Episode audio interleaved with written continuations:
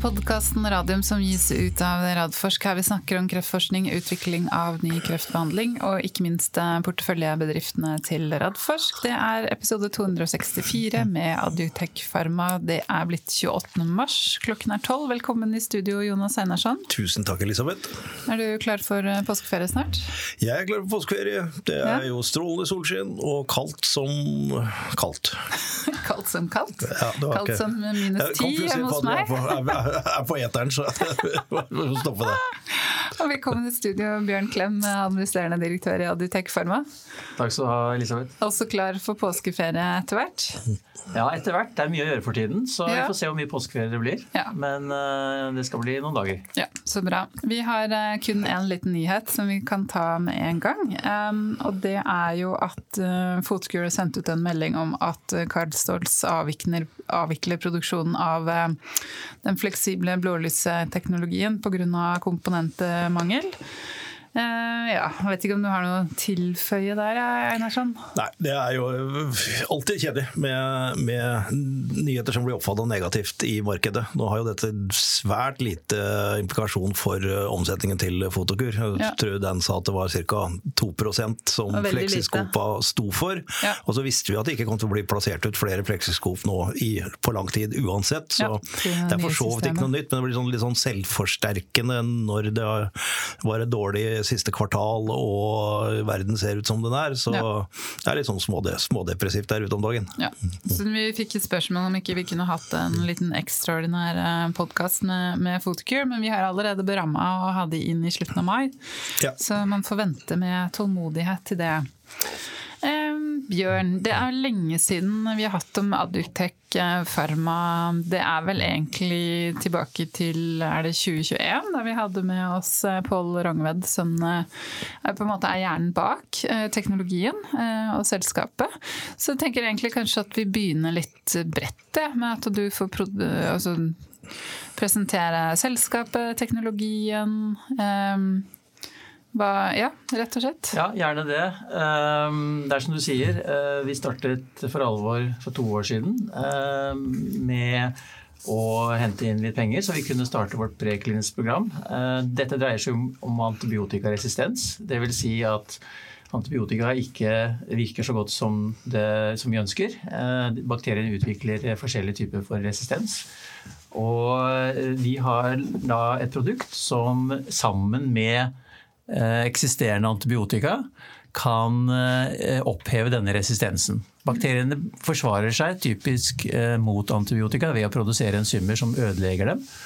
Våre produkter ødelegger enzymene. Mm. Så vi har ingen antibiotisk effekt i våre produkter, men det ødelegger de enzymene som beskytter antibiotika. Og så er det helt riktig som du også sier, og som alle vet, at er, antibiotika er veldig viktig for vårt moderne helsevesen. Spesielt for kreftpasienter, men også for mange andre grupper. Um, så de må virke. De, må, de, kan ikke tillate at de plutselig en dag ikke er der lenger. Um, det er jo sånn da at det vi har gjort nå de siste to årene, det er jo å uh, jobbe mye med kjemien rundt mm. disse substansene. Det er å teste det uh, på resistente bakterier. Eh, og så er det å eh, sørge for at eh, vi får gjennomført gode TOX-studier, altså gode trygghetsstudier i in vitro, men også i dyremodeller som viser at vi kan gå over i mennesker. Og Det er det vi fikk penger til, og det har vi levert på nå i de siste to årene. Nå har vi konkludert med at vi er klare for å gå i fase 1, og det er en stor milepæl for selskapet. Og vi gleder oss veldig til å komme i gang med klinikk mot slutten av året. Mm. Ja, det skjønner jeg veldig godt. Det er jo kjempe, kjempespennende. Eh, Einarsson, dette er jo litt sånn atypisk eh, selskap som Radforsk eh, investerer ja. i, og du sitter jo som styremedlem også. Kan ikke du fortelle litt om rasjonalet bak å gå inn det, i Adotek? For jeg, for jeg syns dette er veldig spennende. Uh, det er helt riktig at vi har et 100% onkologifokus i Radforsk.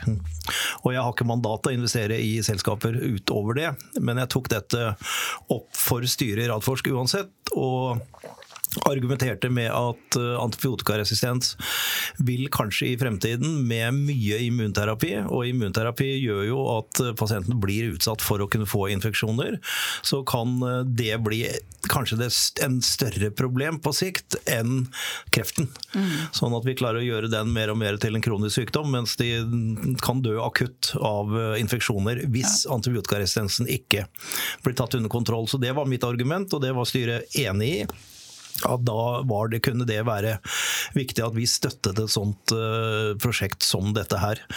Uh, og så gikk jeg inn i styret for å lære. altså Jeg kan litt om å utvikle selskaper, men jeg kan ingenting om uh, antibiotikaresistens og hvordan dette fungerer. og sett fra min side, om jeg skal forsvare investeringen uh, overfor styret, så var min første tanke var at antibiotika er veldig vanskelig å forsvare en investering i. Eh, og Det er også grunnen til at eh, Big Pharma har gjort veldig lite med det.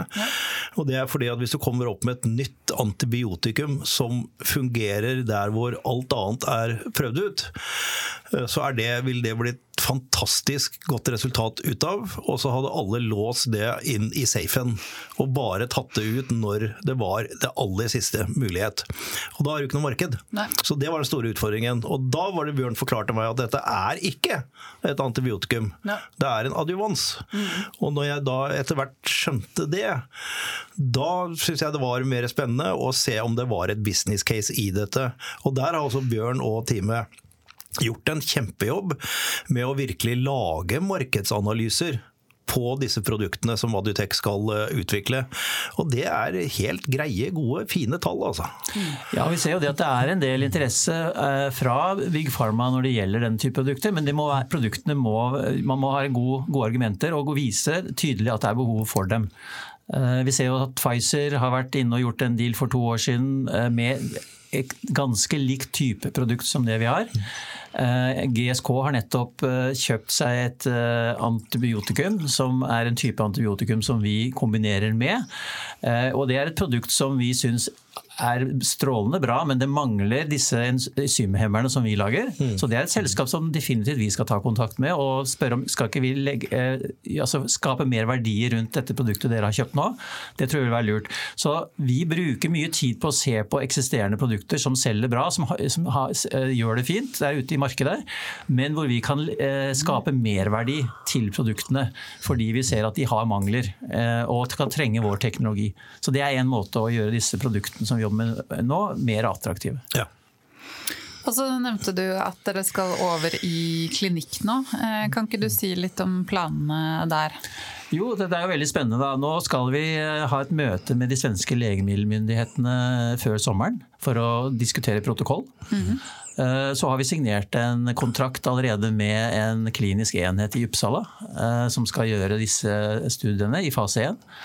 Eh, det går foreløpig på å sende inn en søknad, som skjer rundt sommertid. Og så vil studien starte mot slutten av året. Det disse studiene går ut på, det er ganske store fase 1-studier. Og de går på å finne den riktige dosen som vi skal bruke videre. Dette er friske, frivillige eh, studenter fra Uppsala. Så de kommer på døra klokka ni på mandag når du ber om det. Så vi slipper å løpe rundt og lete etter pasienter. Mm. Så det, logistikken her er ganske eh, grei. Uh, og de vil, få, uh, de vil, da bli testet med økende doser. Det er litt det samme som man gjør i onkologien. Man mm. tester i økende doser med først vårt produkt alene, og til man ser, man ser, at man får visse bivirkninger. Og så går man da ned på en trygg dose og fortsetter med den. Og så vil vi kombinere dette i neste runde med et antibiotikum. Så den kombinasjonen som vi da skal teste ut og ha som produkt. Mm. Så først i friske frivillige med vårt produkt, og så i friske frivillige med den kombinasjonen etterpå. Dette er en helt annen verden ikke sant? Ja. For, for, for, oss. Eh, for, for, eh, det er jo eh, veldig problemer å finne pasienter til den, disse fase 1-studiene, fordi det er de dårligste og sykeste pasientene. Så gjorde vi en vri i Hubro for første gang innen, innen immunterapi. For vi sa at det vi er på jakt etter, er egentlig immunresponsen og toksen. Uh, og ikke effekten. For effekten den ser vi omtrent ikke i sånne små studier. Og da gjorde vi det, og det var til en brøkdel av prisen. Og det gikk så fort at jeg skjønte ingenting før jeg fikk melding om at det var, nå, nå kunne vi avlese resultatene. Så det er kjempespennende at det kan gjøres på den måten. Men så må vi da i onkologien starte de store studiene, fase 2 og fase 2B og randomisert, og, for å se om vi kan vise en effekt. Men det er ikke sånn her. Nei, og, og så er jo også behandlingstiden her veldig kort. Vi behandler i 14 dager ja. eh, i pasienter, da, eh, slik at også fase 2 og 3-programmet vårt er relativt kompakt og raskt gjennomført. Eh, så skal det sies at man må gjøre multisenterstudier, men det er jo ikke noe spesielt for så vidt. Det gjøres andre steder også. Eh, men vårt kliniske program eh, er gjort på fire år, og det er på en måte Eh, relativt mye kortere enn en del andre ja. studier som dere har vært borti. Mm. Slik at jeg ser at det kan være Det er en fordel med dette. At vi på en måte har et eh, veldig godt definert løp som, er, som man har gjort tidligere. Det er regulatorisk så er dette håndterbart. Det er ikke noen ny teknologi vi bringer inn, nye produkter i så måte. Dette er gjort av andre selskaper, og, og det er veldefinert. Sånn at i så måte så er det Det er oversiktlig det programmet vi skal gjennom. Så gitt at dette her fungerer, så kan dere være på markedet om en fem års tid? da? Ja, det kan vi. Ja, Det er kjapt. Det er også. I hvert fall i vår verden. I vår verden er, er det kjapt. Nei, og det, det er et uh, veldig, veldig vesentlig poeng, dette med, med, effekten. Fordi også igjen tilbake til uh, onkologien, og ikke minst til uh, immunterapien. Der er det jo Vi klarer jo ikke å sammenligne det biologiske immunsystemet hos mennesker med noe annet, verken i skåla eller i dyremodeller. Så der er jo alltid spørsmålet hva, hva gjør biologien i mennesket med kreftceller til stede uh, med det produktet vi tilsetter. Og Det er det vi må bruke så veldig lang tid på å finne ut. Mm. Men her sier jo Bjørn at dette stoffet det hindrer bakteriene i å lage disse enzymene. Ja. Det, det, vet vi, det. Det er jo det som er gjort med denne prekliniske pakken.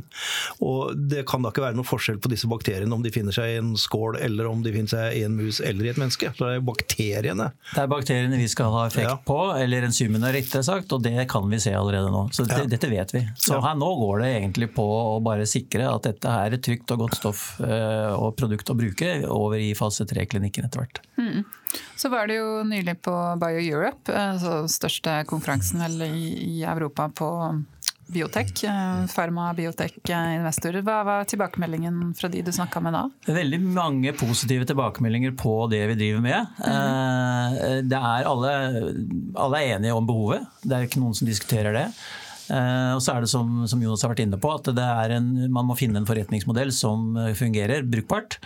Eh, men det vi ser er jo nettopp at finner du eh, gode produkter på de områdene hvor det er spesielle behov, som f.eks. Big Pharma har, hvor man kan skape verdi rundt de produktene som allerede er der, så er det også stor interesse for det. Mm. Så det vi har fått tilbakemelding om er at uh, dette er vi interessert i, men vi må gjerne komme litt lenger før ja. de uh, vil snakke enda mer med oss. Selvfølgelig. Ja. Uh, ja, dere trenger jo penger til å starte studien. Um, kan ikke du si litt om, uh, om, hvor mye penger og hvordan du ser for deg å bruke de de neste årene? Ja, fase 1, Dette fase 1-programmet er relativt stort. Det er faktisk 160-200 eh, friske frivillige eh, initielt. Og også noen mindre fase 2-studier som er spesialstudier inn mot pasienter med dårlig nyrefunksjon og den type ting. Og man skal sjekke litt lunge, eh, lunge tilgang på, til lungene i lungevev hvis man går for lungeinfeksjoner. Mm. Det vi ikke har sagt er kanskje at dette er pasienter som er kritisk syke som er sykehusbehandlende. Eh, så det er altså et produkt til, eh, for intravenøs infusjon. Det som det som kjennetegner da studiene, er at de er store, men de friske frivillige. Og vi trenger ca. 200 millioner for å gjennomføre det over et par års tid.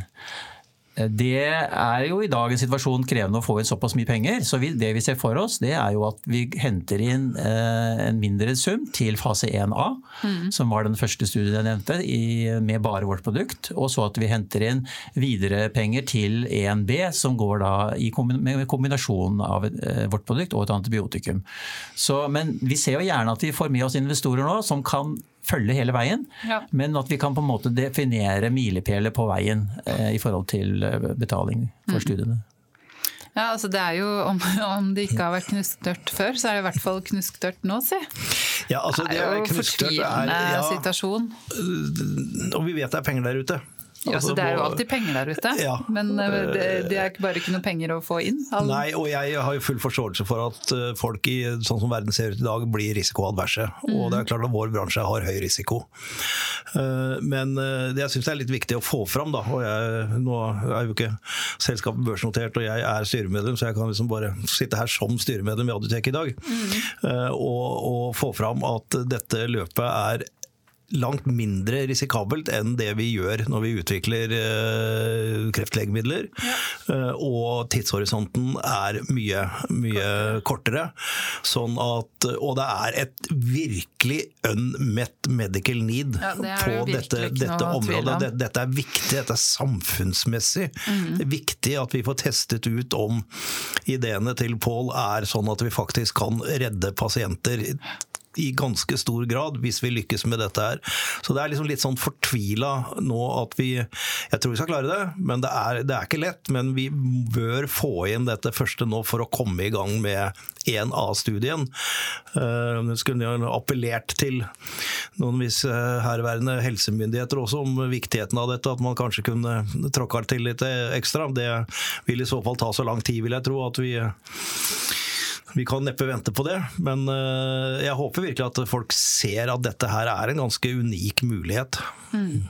Ja, for der er det jo på en måte to spor som man kan trekke. Da. Det ene er det du sier at her er det jo på en måte altså Dette med antibiotikaresistens har man visst om lenge, og så fungerer markedsmekanismene sånn at Big Pharma ønsker jo ikke å gå inn der, ikke mm. sant? for det er jo ikke noe, nødvendigvis noe oppside. Her har jo dere en, en oppside, Bjørn, så her kunne man jo sett for seg at myndighetene kunne gått inn bare pga. det. Men så var det også som du og jeg prata om forrige uke, at uh, akkurat nå i en, uh, i en, så spesiell situasjon som det verdensøkonomien er i, uh, og helseselskapene, altså biotekselskapene, trenger penger. De, mm. så du kan vente noen måneder, men du kan ikke vente mye lenger enn det. Da må du jo putte ting i skuffen. Så det er jo litt med hvor er myndighetene mm. når vi trenger de? Altså Kunne de vært motsykliske i en periode nå, sånn som de har vært tidligere under Eh, tilsvarende finanskriser? Ja, det hadde jo vært fint. Eh, vi har jo snakket om det. og eh, Kunne man få litt drahjelp gjennom virkemiddelapparatet f.eks., ja. så de har jo på en måte infrastrukturen til å gjøre det. Eh, det skal sies at eh, Jeg syns at i Norge har vi mye bra tidligfasestøtte. Mm. Spesielt gjennom Forskningsrådet. Mm. Så det syns jeg er veldig bra. Og så er det litt mangel kanskje da på den senere fasen i utviklingsløpet. Eh, og der har jeg selv foreslått for enkelte at man burde egentlig lage et pilotprosjekt. Sette av en milliard kroner mm. til å finansiere fase 2 og 3-studier. Samtidig som man også kan ivareta markedstilgang på en del antibiotika som ikke kommer kommer til Norge. De er ofte lansert og godkjent i Europa, men selskapene bryr seg ikke med å lansere det i Norge fordi markedet er lite.